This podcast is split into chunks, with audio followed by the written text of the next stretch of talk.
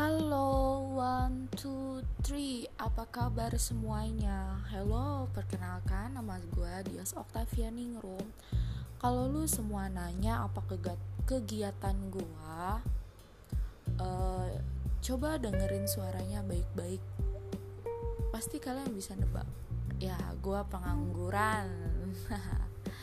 sorry sorry, enggak enggak. Gue punya kerjaan kok, maklum.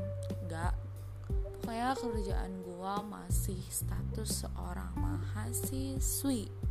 Yes mahasiswi yang sekarang lagi dalam keadaan kuliah dari bikin pusing ya teman-teman.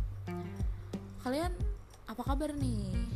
Coba perkenalan dulu ya. Boleh deh perkenalan. DM IG gue ya at dias oktav 22 oke? okay?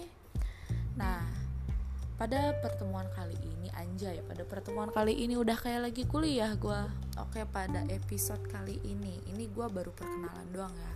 Kalau lu semua mau nanya ini tentang konten apa eh, nggak uh, tahu deh gue juga. Iseng-iseng sih sebenarnya.